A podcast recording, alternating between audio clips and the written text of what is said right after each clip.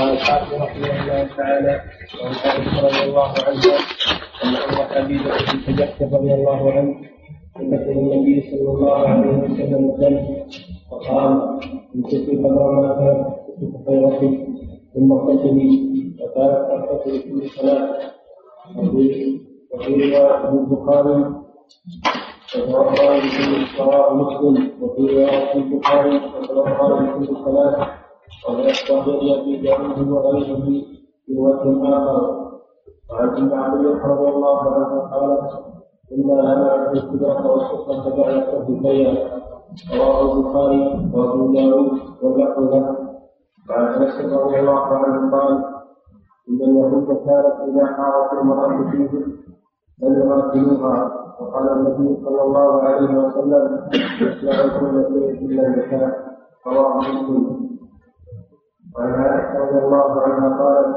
كان رسول الله صلى الله عليه وسلم يأمرني فأستجب يبرئني وأنا حامل متفق عليه. وعن ابن عباس رضي الله عنهما عن رسول الله صلى الله عليه وسلم إلا أن يأتي امرأة وقد وهي حامل يتصدق بدينار أو بنصف دينار.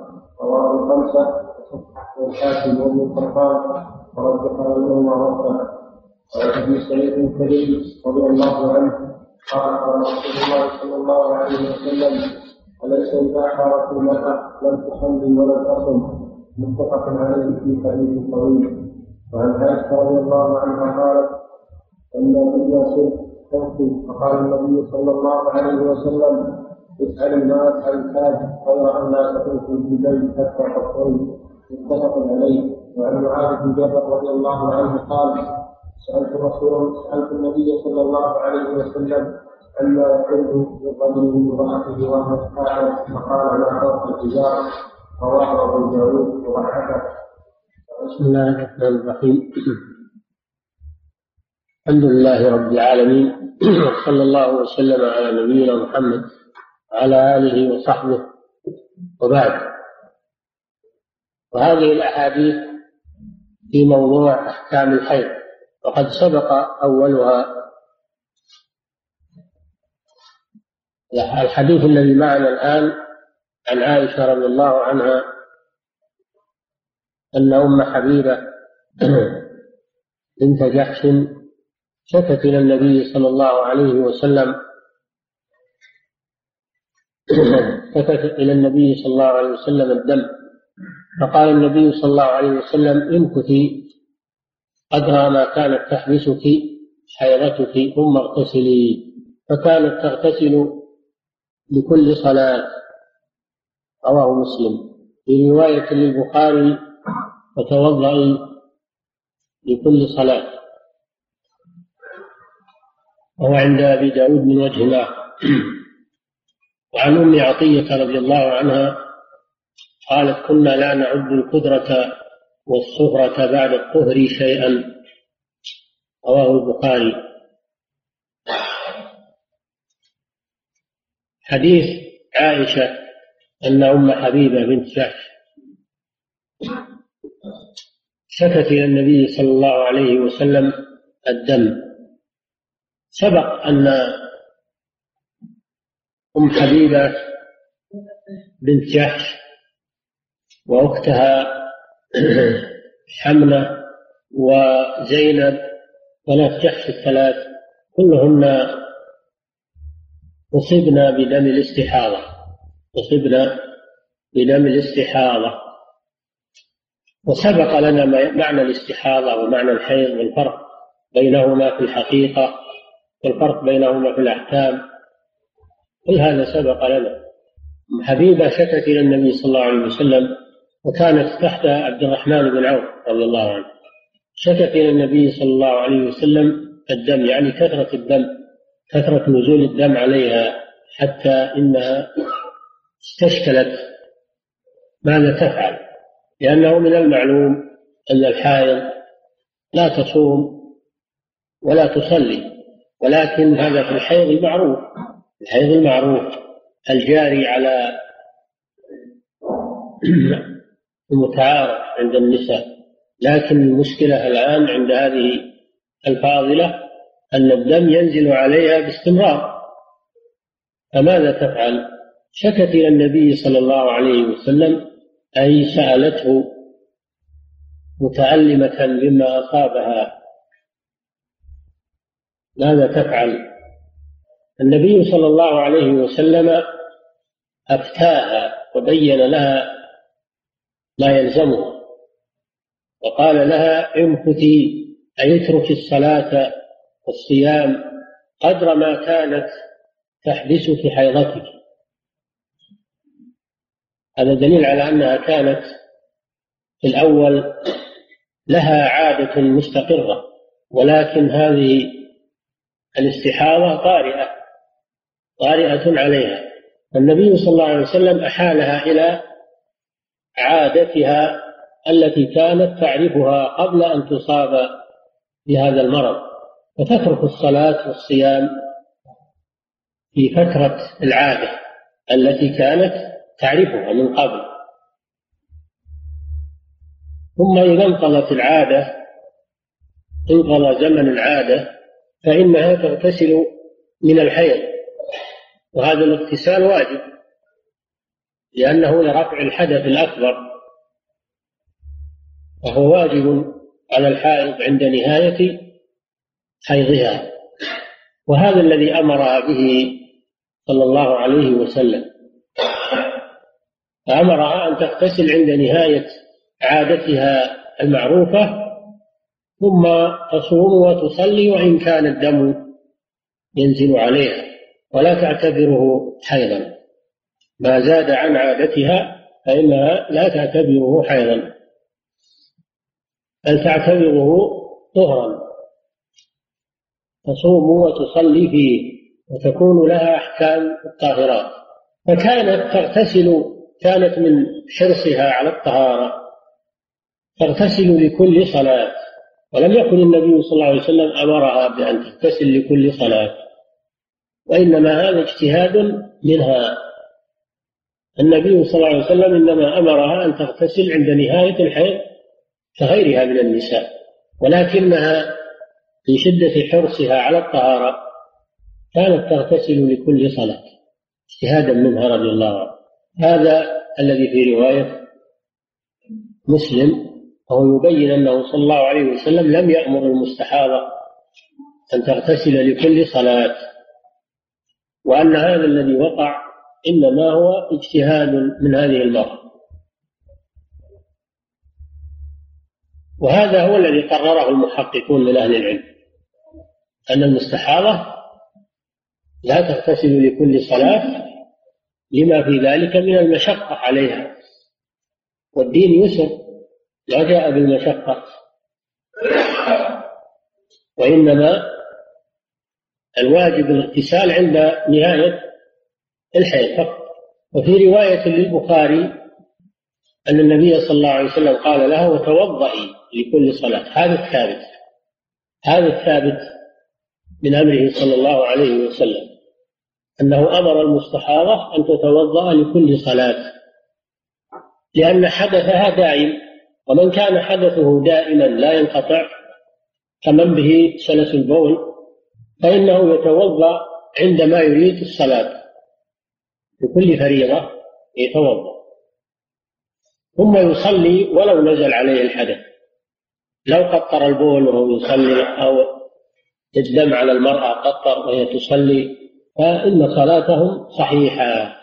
بقوله تعالى لا يكلف الله نفسا إلا وسعها ولقوله تعالى فاتقوا الله ما استطعتم لقول النبي صلى الله عليه وسلم إذا أمرتكم بأمر فأتوا منه ما استطعتم وما نهيتكم عنه اجتنبوه فدل هذا الحديث على مسائل. المسألة الأولى سؤال أهل العلم عما يشكل الأمور الدين.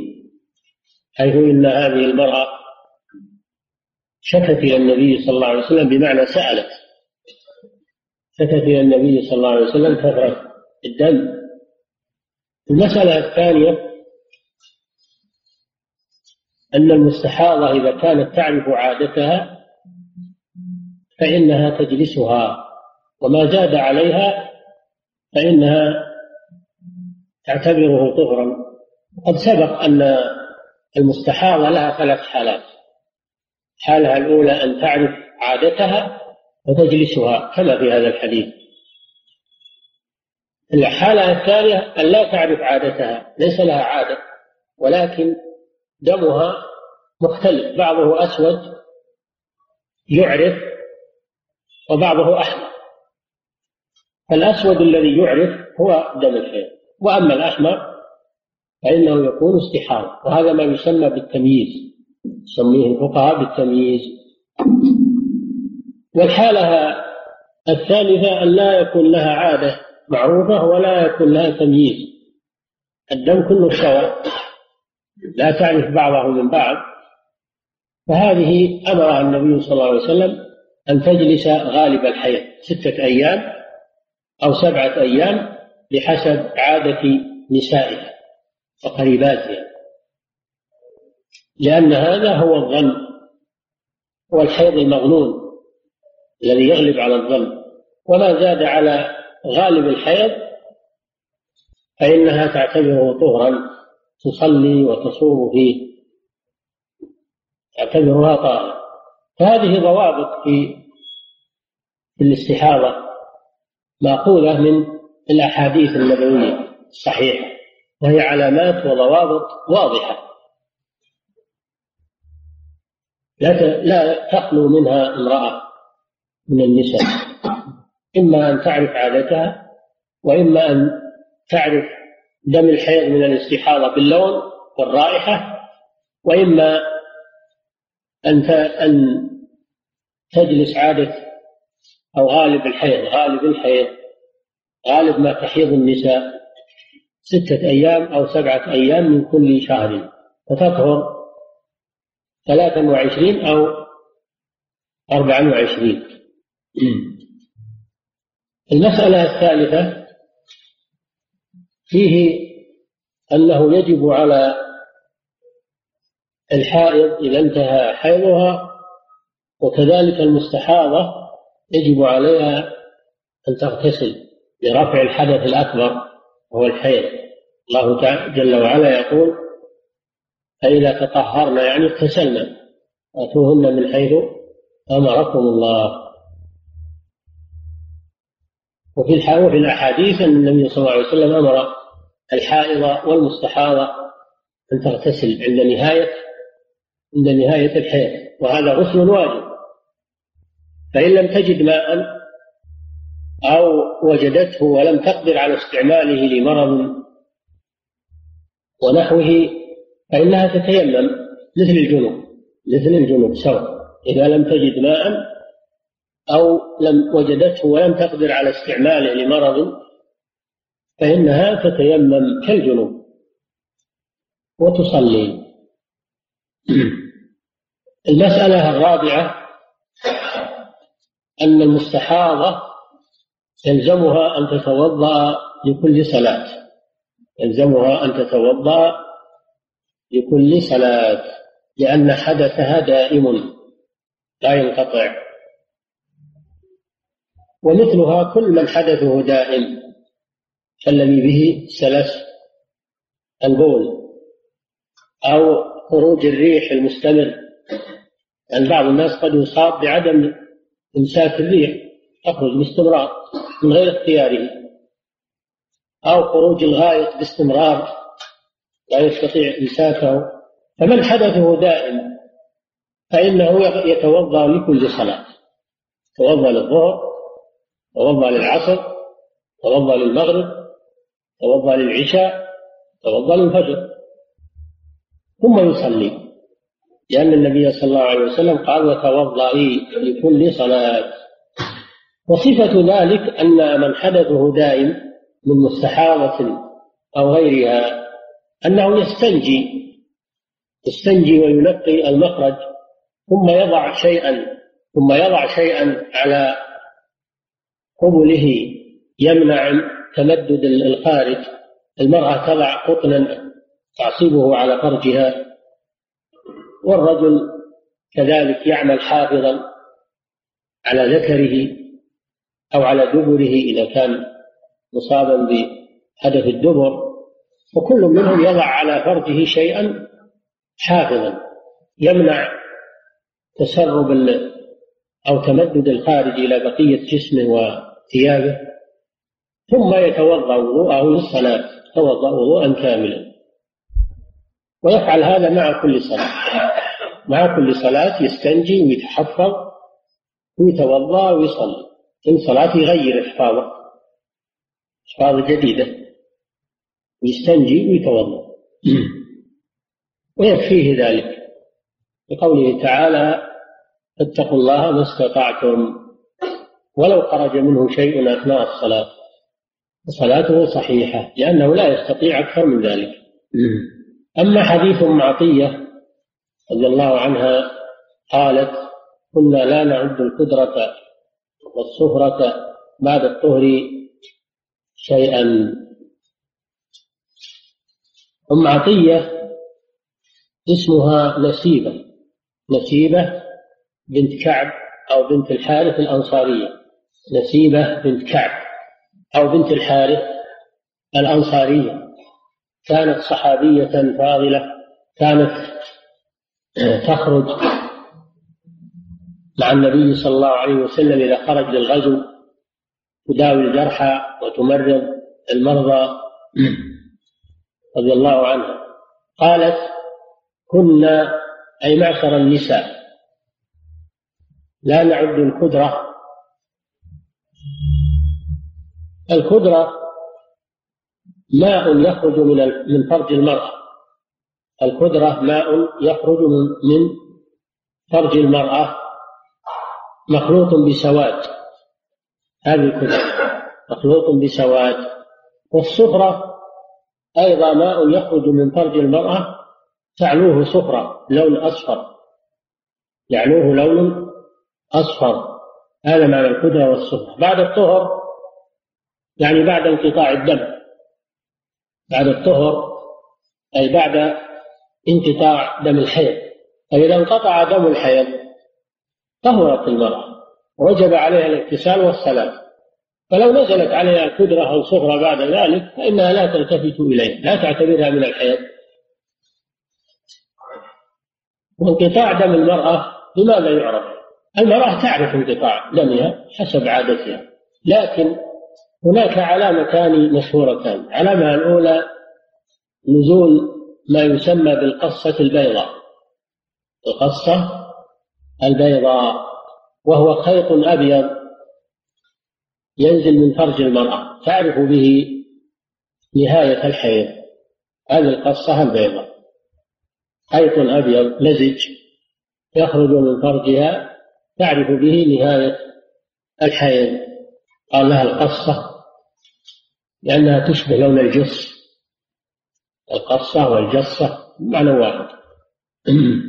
والشيء الثاني أن ترى النشاف النشاف بحيث إنها إذا حشت فرجها بقطن ثم أخرجته ونظرت فيه لم ترى فيه شيئا.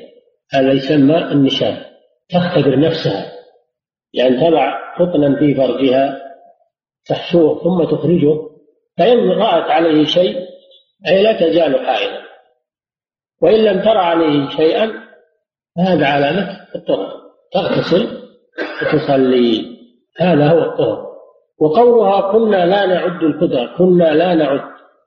الظاهر أن هذا كان في عهد النبي صلى الله عليه وسلم. وله حكم المرفوع لأن الصحابي إذا قال كنا نفعل كذا وكذا على عهد النبي صلى الله عليه وسلم فهذا له حكم المرفوع. لأنه لأن معناه أن النبي صلى الله عليه وسلم أقرهم على ذلك. فقولها كنا لا نعد القدرة والسفرة يعني في عهد النبي صلى الله عليه وسلم. فيكون ذلك له حكم الرفع. فهذا الحديث يدل على مسألتين. المسألة الأولى أن الكدرة والصفرة بعد الطهر لا تعتبر حيضا. لكن تنقض الوضوء على كل حال. القدرة والصفرة إذا ظهرت تنقض الوضوء لأن كل ما خرج من الفرج فإنه ينقض الوضوء. فهي تعتبر من نواقض الوضوء. لكن ليس لها حكم الحيض. هذه مسألة. المسألة الثانية الحديث يدل على أن القدرة والسفرة في زمن الحيض تعتبر حيضا. المسألة الثانية أن القدرة والسفرة في زمن الحيض تعتبر حيضا. فإذا رأت قدرة أو سفرة في زمن الحيض في أوله أو في وسطه أو في آخره فإنها تعتبرها حيضا. تترك من أجلها الصلاة والصيام. هذا من مفهوم قولها بعد الطهر فمفهومه أن ما قبل الطهر تعتبر القدرة والصهرة شيئا يعني حيضا. المسألة الثالثة فيه الاحتجاج للقاعدة الأصولية. أن الصحابي إذا قال كنا نفعل كذا في عهد النبي صلى الله عليه وسلم يعتبر له حكم المرفوع. يحتج به. الحديث اللي بعده. نعم. عن أنس رضي الله عنه قال كان اليهود إذا حاضت فيهم المرأة لا يؤكلونها فقال النبي صلى الله عليه وسلم اصنعوا كل شيء إلا النكاح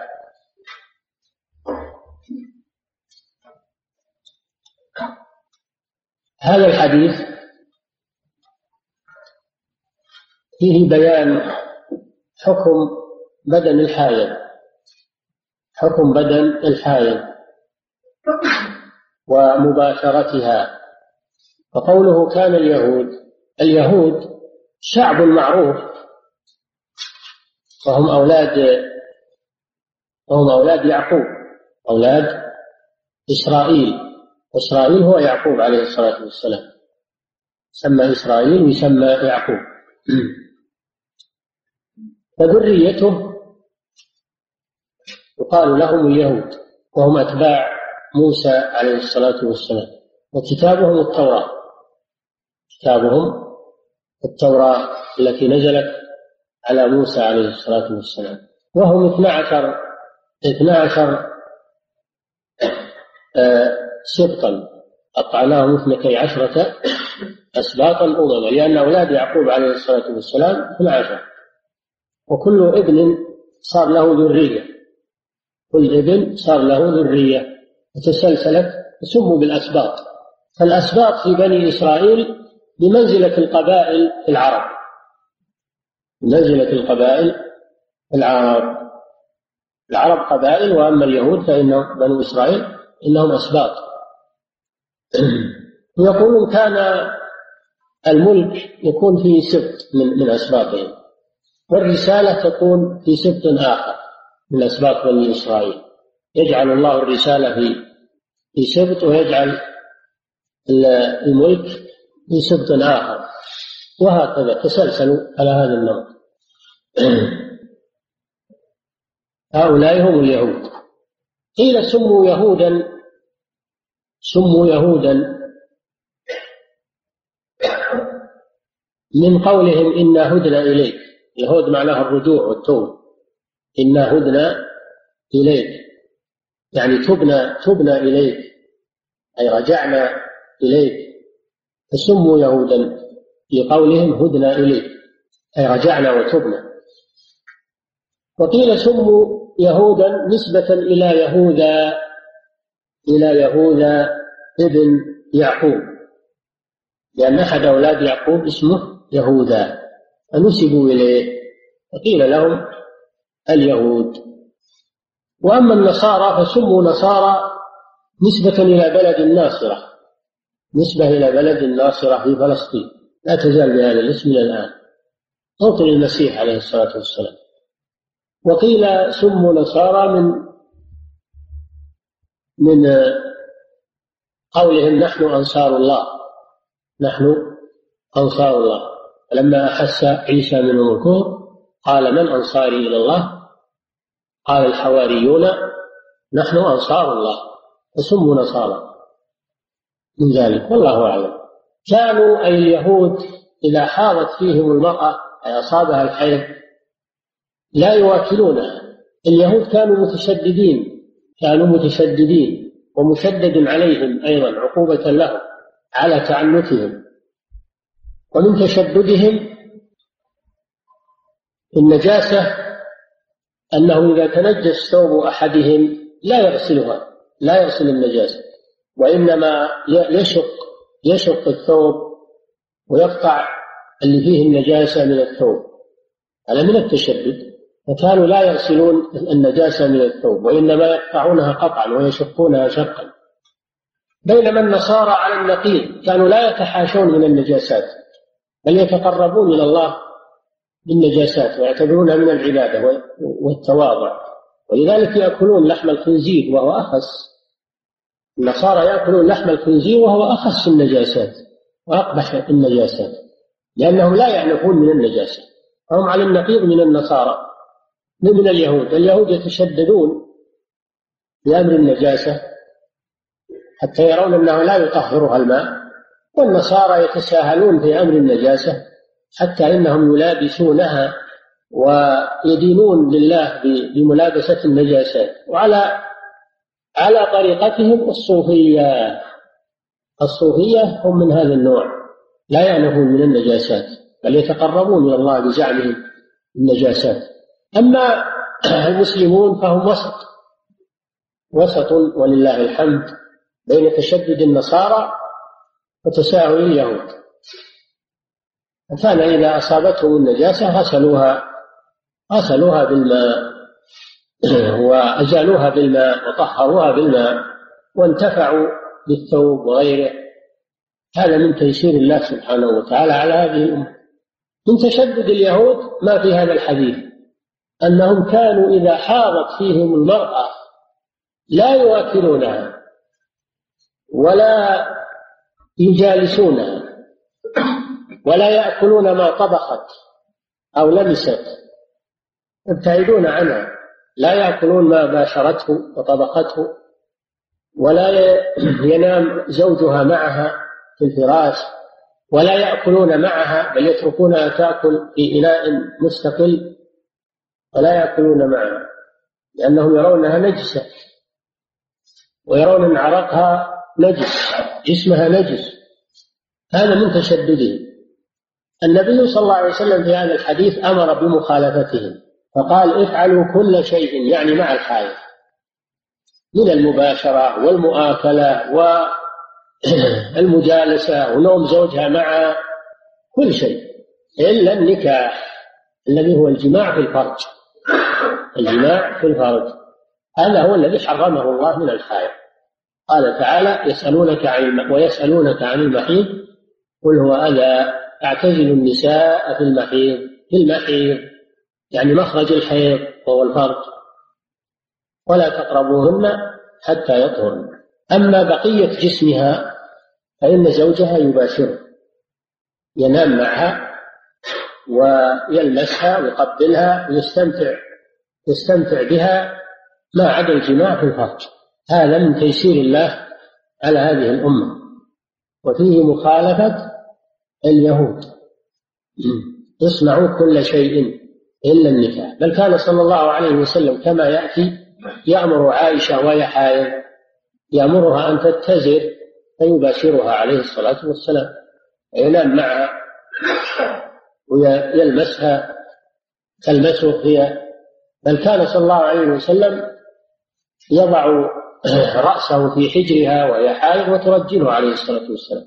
ترجل رأسه وهي حائض. وقد أمرها صلى الله عليه وسلم أن تناوله الخمرة من المسجد. يعني تدخل المسجد من أجل أن تأتي بالخمرة وهي فراش صغير يصلى عليه. فقالت إنها حائض. قال النبي صلى الله عليه وسلم إن حيضتك ليست بيدك. يعني أن يدك طاهرة. جسم المرأة طاهر. ولا مانع أنها تمر مع المسجد تأخذ الحاجة من المسجد. الممنوع هو الجلوس جلوسها في المسجد فقط. أما مرورها وأخذها شيء من المسجد فلا مانع من ذلك. فهذا من تيسير الله على هذه الأمة وإزالة الآثار والأغلال التي كانت على اليهود. اصنعوا كل شيء. إلا النكاح يعني الجماع في الفرج فدل هذا الحديث على مشروعية مخالفة اليهود. مشروعية مخالفة اليهود. ثانيا دل هذا الحديث على جواز مخالطة الحائض. جواز مخالطة الحائض وملامستها بالمباشرة لزوجها والأكل معها وأكل ما طبخته أو لمسته وأن عرقها طاهر وأن ريقها طاهر كغيرها من المسلمات. المسألة الثالثة الحديث دليل على تحريم جماع الحائض لأن النبي صلى الله عليه وسلم استثناه استثناه وقال إلا النكاح. وهذا دل عليه القرآن وأجمع عليه المسلمون أن نكاح جماع الحائض في فرجها حرام لا يجوز. نعم. نعم.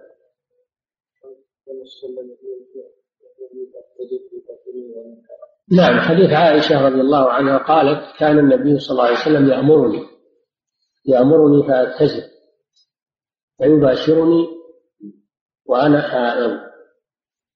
هذا فيه دليل على ما دل عليه الحديث السابق من مباشرة الحائض أن زوجها يباشرها بمعنى يضع بشرته على بشرتها من غير حائل يلامسها ببشرته لأن جسمها طاهر. وقولها يأمرني فأتزل الحديث الآخر سئل النبي صلى الله عليه وسلم عما يحل من الحائض قال ما فوق الإزار ما فوق الإزار والإزار هو ما يوضع على على الفرج على العورة. الإزار ما يوضع على العورة ليسترها ما بين السرة والركبة. هذا هو الإزار ما يوضع على العورة ليسترها. حديث عائشة وحديث آه، لما سئل ما يحل من الحائض قال ما فوق الإزار. يدلان على أن ما تحت الإزار من الحائض أنه لا يجوز مباشرة آه، ما تحت الإزار وهو ما بين السرة والركبة من الحائض لا تجوز مباشرته. وما عدا ذلك من بقية جسمها لا بأس أن يباشره زوجها. هذا ما يدل عليه هذان الحديثان. بينما الحديث الذي مر تصنع كل شيء إلا النكاح. يدل على أنه يجوز مباشرة جميع جسم المرأة حتى ما تحت الإزار ما عدا محل الحيض. اختلف العلماء في هذه المسألة وهو ما يحل للزوج من امرأته وهي حائض. اختلفوا فيها أولا أجمعوا على تحريم الجماع في الفرج هذا محل إجماع. محل إجماع من أهل العلم. أنه لا يجوز للزوج مجامعة زوجته في فرجها وهي حائض. ثانيا أجمعوا على جواز مباشرة ما فوق الإزار. هذا أيضا محل إجماع. مباشرة ما فوق الإزار هذا محل إجماع. إنما الخلاف المسألة الثالثة وهي ما تحت الإزار.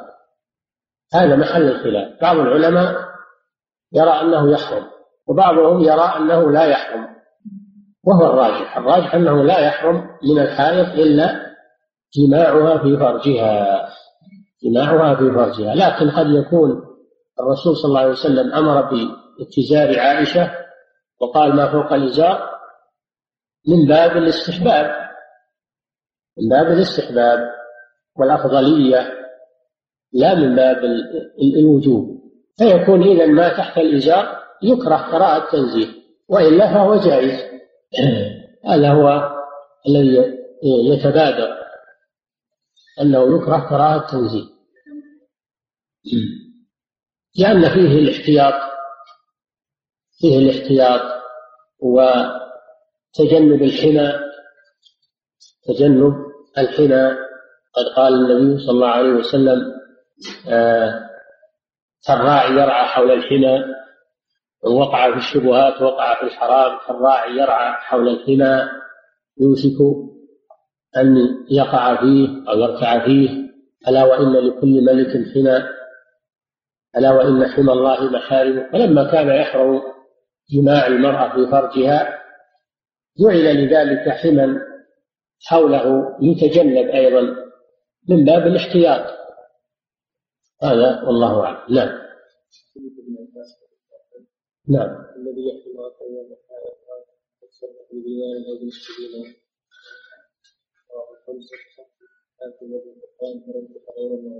حديث ابن عباس رضي الله تعالى عنهما الذي يأتي امرأته قال أن النبي صلى الله عليه وسلم قال في الذي يأتي امرأته وهي حائض. يتصدق بدينار أو نصفه. رواه الخمسة وصححه الحاكم وابن القطان ورجح غيرهما وقفه أولا هذا الحديث من حيث السند صحيح. حديث من حيث السند صحيح. وأما من قال إنه موقوف أو قال إنه مضطرب فهذا محل نظر. الحديث صحيح. من هذا الحديث من كلام ابن عباس. ولكن الصحيح أنه مرفوع إلى الرسول صلى الله عليه وسلم. ليس موقوفا. وليس مضطربا أيضا كما قالوا. تقدم لنا أن جماع المرأة في الفرج حرام بالنص والإجماع. قوله تعالى اعتزلوا النساء في المحيط ولقوله صلى الله عليه وسلم افعلوا كل شيء إلا النكاح. فجماع المرأة في فرجها حرام. لكن لو أن شخصا فعل هذا المحرم وجامع زوجته وهي حائض فماذا يجب عليه؟ هذا الحديث يدل على أنه تجب عليه الكفارة. تجب عليه الكفارة. وهي دينار أو نصفه. والدينار المراد به النقد. الدينار المراد به النقد المصنوع من الذهب. في عهد النبي صلى الله عليه وسلم. النقد المصنوع من الذهب. ومقداره مثقال. مقدار الدينار مثقال من الذهب. هذا الدينار الإسلامي. نقد مصنوع من الذهب ومقداره مثقال والجنيه السعودي الآن يقولون إنه دينارين إلا ربع. ديناران إلا ربع. يعني مثقالين إلا ربع. مثقال فيكون الدينار الإسلامي أربعة أسباع. أربعة أسباع الجنيه السعودي. أربعة أسباع الجنيه السعودي. وقوله صلى الله عليه وسلم يتصدق بدينار أي بمثقال من الذهب. سواء كان مصنوعا نقدا أو غير مصنوع. مثقال من الذهب. المهم مثقال من الذهب. أو نصفه. خير. هذا من باب التخيير ولا ما؟ ولا هو من باب الترتيب؟ للعلماء قولان في هذا. القول الأول أنه من باب التخيير. من باب التخيير. يعني إن شاء تصدق بدينار وهذا أفضل وإن شاء تصدق بنصف دينار وهذا هو الحد الأدنى. الحد الأعلى دينار وهذا أفضل. والحد الأدنى نصف دينار فيكون مخيرا بين الأمرين. كما أن الكفارة في اليمين خير فيها. الكفارة في الكفارة في محظورات الإحرام فيها تخيير أيضا. مخير في بعض الكفارات بعض الكفارات فيها تخيير. كفارته إطعام عشرة مساكين أو كسوتهم أو تحرير رقبة. لا شك أن تحرير الرقبة أنها أغلى من من كسوة عشرة مساكين أو إطعام عشرة مساكين. ومع هذا خير بينها. فهذا من باب التخيير وقيل لا هذا ليس من باب التخيير وإنما الدينار في من وطئ في أول الحيض. ونصف الدينار في من وطئ في آخر الحيض. ولكن الأول أصح أنه من باب التخيير أنه من باب التخيير وهذا الحديث يدل على وجوب الكفارة يدل أولا أولا يدل على تحريم جماع الحائض كما تقدم. ثانيا يدل على وجوب الكفارة. أما جماع الحائض فهذا محل إجماع. أما وجوب الكفارة فيه فهذا فيه خلاف بين العلماء الأكثر من العلماء أنه لا كفارة فيه. الأكثر من أهل العلم على أنه لا كفارة فيه لكن يأثم عليه التوبة إلى الله عز وجل وعدم الرجوع للشيء هذا ولا وليس عليه كفارة. قالوا لأن هذا الحديث لأن هذا الحديث معلم بالوقف والإرسال والاضطراب. يعني فيه مقال من عدة وجوه من حيث أنه موقوف ومن حيث أنه فيه إرسال ومن حيث أنه مضطرب. سند. فمع هذه العلل لا يصلح للاحتجاج. والأصل براءة الذمة. الأصل براءة الذمة. فلا يوجد في الذمة شيء إلا بدليل صحيح. لا يوجد في الذمة كفارة إلا بدليل صحيح. ولم يصح في هذا دليل. فنبقى على البراءة الأصلية. هذا قول أكثر أهل العلم. وذهب إلى وجوب الكفارة الإمام أحمد بن حنبل. هذا من مفردات أحمد. ذهب إلى وجوب الكفارة عملا بهذا الحديث. وذهب معه جماعة من أهل العلم. اختاره شيخ الإسلام ابن تيمية رحمه الله. اختاره وقال إنه واجب بالنص والقياس. أما النص فهذا الحديث هو حديث صحيح. وأما القياس فكما أوجب الله الكفارة على من جامع في رمضان وأوجب الكفارة على من جامع وهو محرم الجماع أحيانا تجب به كفارة تجب به كفارة وهذا مثلها هذا مثلها تجب به كفارة. فإيجاب الكفارة على المجامع هو الصحيح بالنص وبالقياس كما يقول الشيخ تقي الدين رحمه الله. وهذا هو الراجح والحمد لله. والمرأة مثله إذا كانت مختارة المرأة إذا جومعت في الحيض وهي مطاوعة ومختارة فهي مثله تجب عليها الكفارة. أما إن كانت مكرهة ليس لها اختيار وإنما أجبرها على ذلك فليس عليها شيء ليس عليها شيء والله تعالى أعلم وصلى الله وسلم على نبينا محمد على آله وصحبه. نعم بسم الله الرحمن الرحيم. الحمد لله رب العالمين وصلى الله وسلم على نبينا محمد. فضيلة الشيخ هل يجوز للمرأة أن تلبس البنطلون النسائي وإن كان قد قام؟ لبس الرجال للبنطلون فيه نظر. فكيف بالنساء؟ البنطلون أولا أنه لا يليق للمسلم أن يلبسه. لأنه يبين أحجام الجسم يبين أحجام الجسم. وثانيا أنه يضيق بالمسلم عند العبادة عند الجلوس في الصلاة عند السجود. أنتم تجدون اللي يلبسون هذه الأشياء يكون عنده لا يجلسون أو أو يسجدون أو. فالأولى بالرجال الأولى بالرجال ألا يلبسوا ألا يلبسوا البنطلون. فكيف بالنساء؟ النساء لا يجوز لهن لبس البنطلون. أولا لأن فيه تشبها بالرجال.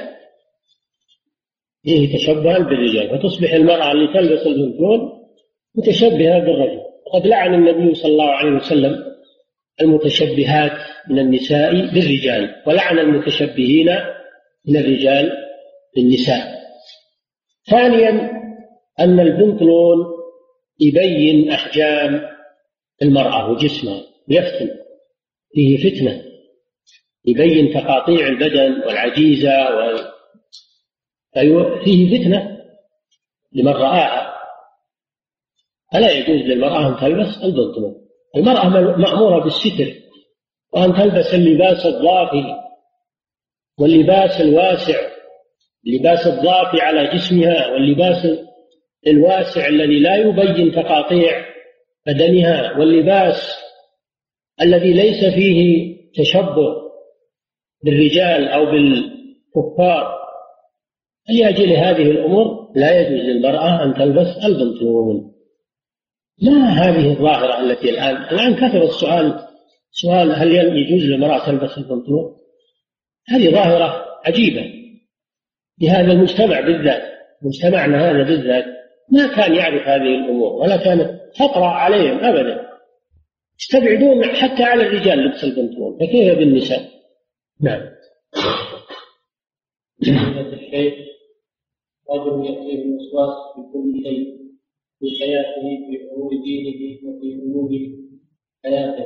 فتارة يشككه في إسلامه والدين وتارة يظنه بأنه سوف يمرض ويخاف من هذه الفتنه وهو لا يكاد يخلو يوما من فتنه مزعجه فيضيق صدرها بها يضيق صدره بها. فسأل أحد المشايخ فقال ان كانت تقول أعوذ بالله من الشيطان. وهو يقولها فيذهب الوسواس ثم يعود ولم يرتاح وما زال يعاني من هذا الوسواس فذهب يطلب العلم ولكن ما زال هذا الوسواس فما الخراج من هذا؟ نعم الوسواس لا شك إنه مرض. انه مرض ومزعج وقد كثر الان في اوساط الشباب والشابات ولكن علاجه مثل ما تفضل الشيخ اللي سأله علاجه إنه يستعيذ بالله عز وجل من الشيطان لأن الوسواس من الشيطان. قال تعالى بسم الله الرحمن الرحيم قل أعوذ برب الناس ملك الناس إله الناس من شر الوسواس الخناس الذي يوسوس في صدور الناس. الوسواس بفتح الواو الشيطان. وأما الوسواس بالكسر فهي الوسوسة. نص. الشيطان وسواس خناس. وسواس الناس بمعنى أن الإنسان إذا غفل عن ذكر الله وسوس له. وإذا ذكر الله انخمس عنه وابتعد عنه. فهو لعنه الله وسواس عند الغفلة عن ذكر الله خناس عند ذكر الله عز وجل؟ فعلى من ابتلي بالوسواس أن يكثر من ذكر الله من التسبيح والتهليل والتكبير والاستعاذة بالله من الشيطان الرجيم وعليه وتلاوة القرآن. لأن الشيطان يفر من تلاوة القرآن. ثانيا عليه أن لا يلتفت للوسواس وأن يرفضه رفضا تاما ولا يفكر فيه أبدا. ولا يهتم به أبدا يرفضه. وبهذا يعافيه الله سبحانه وتعالى. وقد يكون عند الإنسان مرض نفسي قد يكون عنده مرض نفسي عصبي فعليه أيضا أن يراجع الأطباء النفسانيين لعله يجد علاجا يستعين به على مدافعة هذا المرض.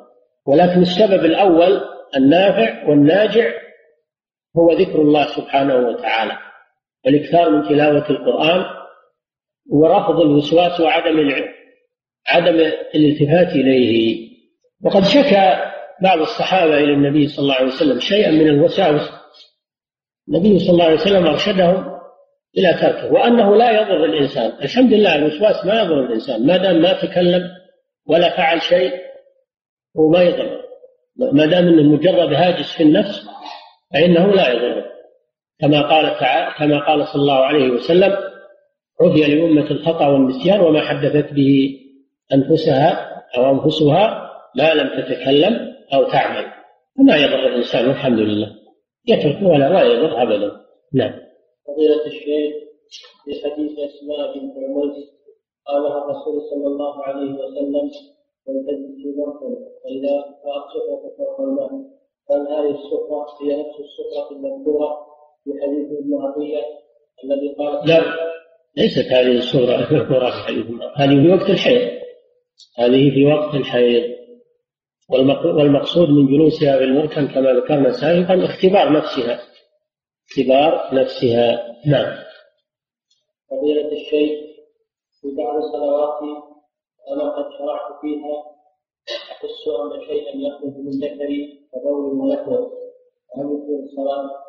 هذا مثل ما سبق وسواس لا يبطل الصلاة إلا ما تحقق وثبت أما مجرد الوسواس والشك فهذا لا يبطل الصلاة. وقد قال النبي صلى الله عليه وسلم عن الرجل يجد في بطنه شيئا فيشكل عليه خرج منه شيء أم لا؟ قال صلى الله عليه وسلم لا ينصرف حتى يسمع صوتا أو يجد ريحا. فالنبي صلى الله عليه وسلم أمر بالبناء على اليقين ورفض الشك والوسواس وعدم الالتفات إليه وأن الإنسان يستمر في صلاته.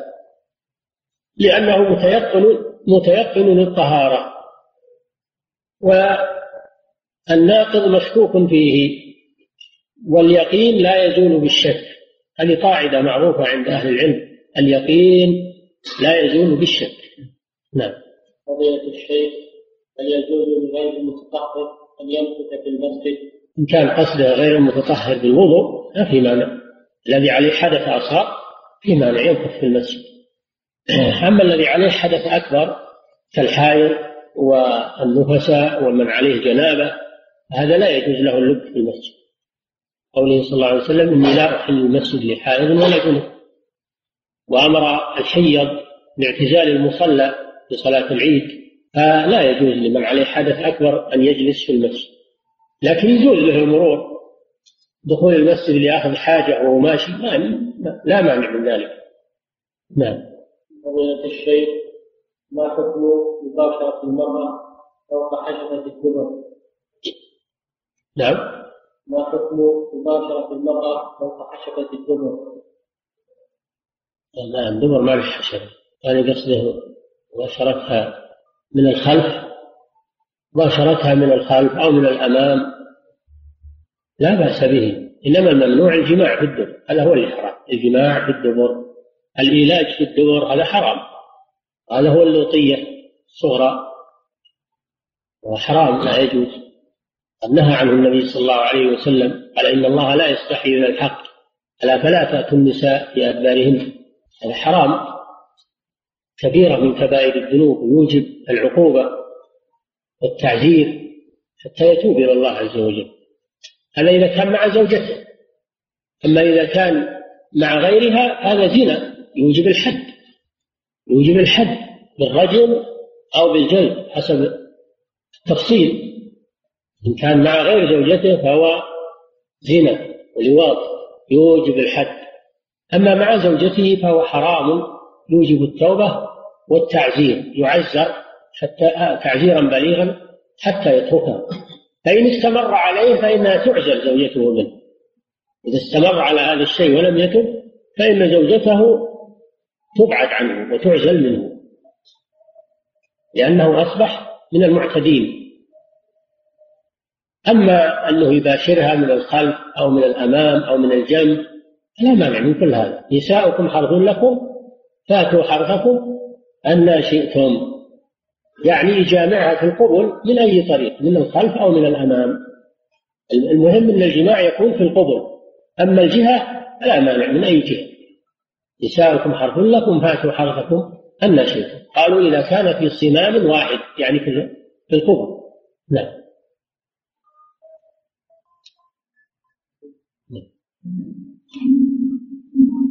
لا إله إلا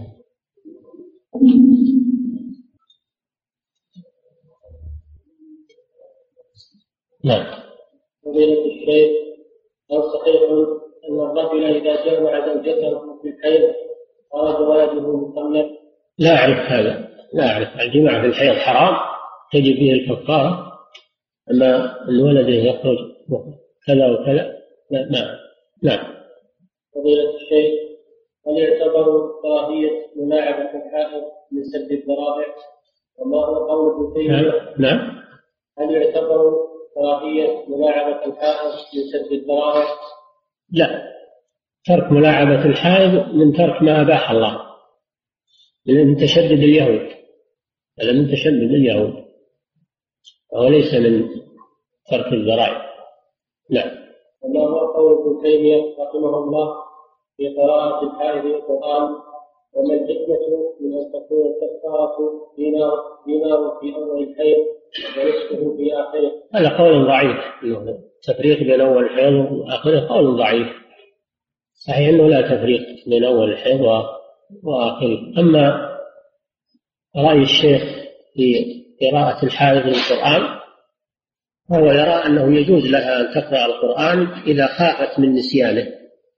إذا خافت من نسيانه. إذا كانت تحفظ القرآن أو بعضه وتخشى إذا تركت القراءة أنها تنسى تنسى حفظها الشيخ يجوز لها القراءة في هذه الحالة. نعم. فضيلة الشيخ كم يساوي الدينار بالريال السعودي الآن؟ يسأل عنه الصيارف؟ هذا ما ما ما الصيارف لأنه يزيد وينقص. تبع السعر. نعم.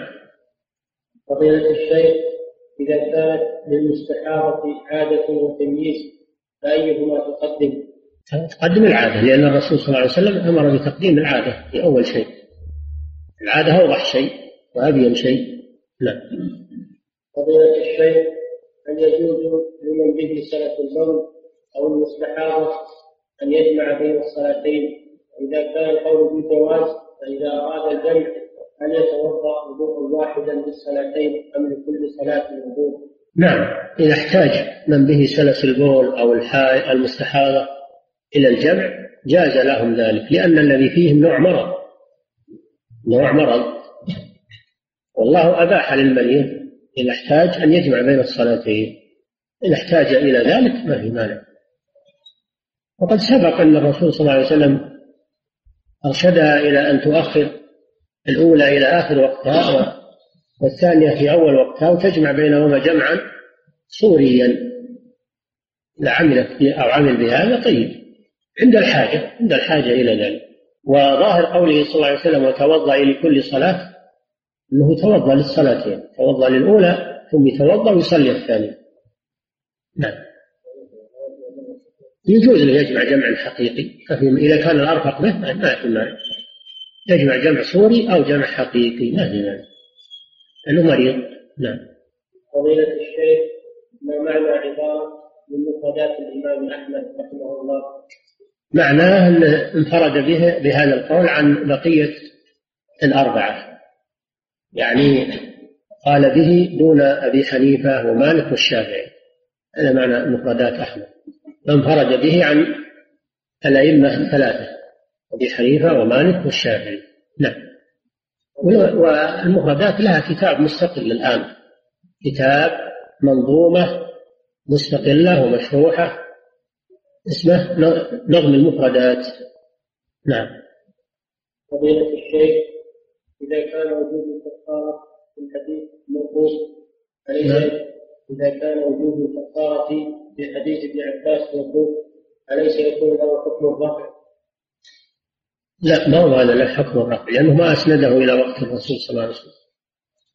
ما أسنده إلى وقت الرسول إنما إنه من كلامه يعني موقوف معناه من كلامه لكن الصحيح إنه هو موقوف صحيح إنه مرفوع. وساقه المصنف هنا في بلوغ المرام على إنه مرفوع. نعم. فضيلة الشيخ من عمل له مسطرة يجمع فيها البول بدلا من المثالة فهل يجوز له أن يصلي وهو حامل لهذه المسطرة وفيها شيء من البول؟ وهل يجب له وهل يجب عليه أن يتوضأ في كل صلاة؟ يجوز له أنه يصلي وهو حامل هذه القسطرة لأنه محتاج إليها محتاج إليها وهي محفوظة ما, ما تنتشر عليه. وأما أن يتوضأ لكل صلاة هذا إذا خرج إذا كان الخارج مستمر. إذا كان خروج البول مستمر ولا ينضبط هو يتوضأ لكل صلاة. أما إذا كان خروج البول مؤقت ويعرف وقته هو يتوضأ إذا بال. نعم. إذا خرج من البول. نعم. الشيخ ما معنى قوله الوقت المحرم؟ هنا هو العلاج في حديث ابن عباس؟ نعم. ما معنى قوله الوقت المحرم هنا؟ هو العلاج في حديث ابن عباس؟ نعم. العلاج في الفرج يعني. العلاج في الفرج بخلاف الوطء دون الفرج. الوطء دون الفرج لا لا بأس فيه. لو وطئ بين فخذيها أو بملاعبتها أو بجسمها ما في مانع. نعم. فضيلة الشيخ ذكر بعض أهل العلم أن تقصير الثوب إلى أنصاف الساقين ليس بسنة بل هو سنة في الإزار فقط. هذا هو الظاهر نعم. لأن الأحاديث جاءت في الإزار. جاءت في الإزار ولا جاءت في الثوب؟ الثوب يكون إلى نصف الساق إلى إلى الكعبين. الثوب يكون إلى الكعبين. أما الإزار فيكون إلى نصف الساق لأن الأحاديث جاءت به. إزرة المؤمن إلى نصف الساق. وأيضا الإزار لو نزل عن نصف الساق فإنه يشق على الماشي. يشق على الماشي ويعرق المشي خلاف الثوب. الثوب إذا وصل إلى إلى الكعب ما يشق عليه ولا يعرق المشي. نعم. فضيلة الشيخ إذا حدث الإنسان نفسه بأنه إذا صار له كذا وكذا يدفع مبلغا من المال قدره كذا كالنذر نعم. إذا حدث الإنسان نفسه بأنه إذا صار له كذا وكذا يدفع مبلغا من المال قدره كذا كالنذر فهل يجب عليه الوفاء به؟ لا. ما دام الحديث نفس ونية في القلب دون تلفظ وما يصير نذر. لا يكون نذرا إلا ما تلفظ به. نعم. فضيلة الشيخ يقول الإمام النووي رحمه الله في مقدمته على شرح صحيح مسلم عند ذكره سند شيوخه في تلقي صحيح مسلم يصف بعض شيوخ شيوخه بأنه متصوف فهل يقصد التصوف المعروف الآن أم شيء آخر؟ نعم. يقصد التصوف المعروف لكن تصوف المتقدمين تصوف المتقدمين أخف من تصوف المتأخرين. لأن تصوف المتقدمين مجرد اجتهاد في العبادة تقشف ولا عندهم بدع وخرافات. أما تصوف المتأخرين دخل فيه بدع وخرافات بل دخل فيه كفريات وشركيات ودعاء لغير الله وعبادة لغير الله. التصوف الذي يقصده مسلم هو من التصوف الخفيف. كتصوف الفضيل بن عياض رحمه الله والجنيد وتصوف خفيف. معناه الاجتهاد في العبادة والتقشف ترك بعض المباحات لأجل التفرغ للعبادة. هذا وإن كان إنه هو أحسن ولكنه لا يصل إلى حد التصوف الممنوع الآن التصوف الخبيث الذي وصل الآن إلى الشرك. وإلى الكفر والإلحاد.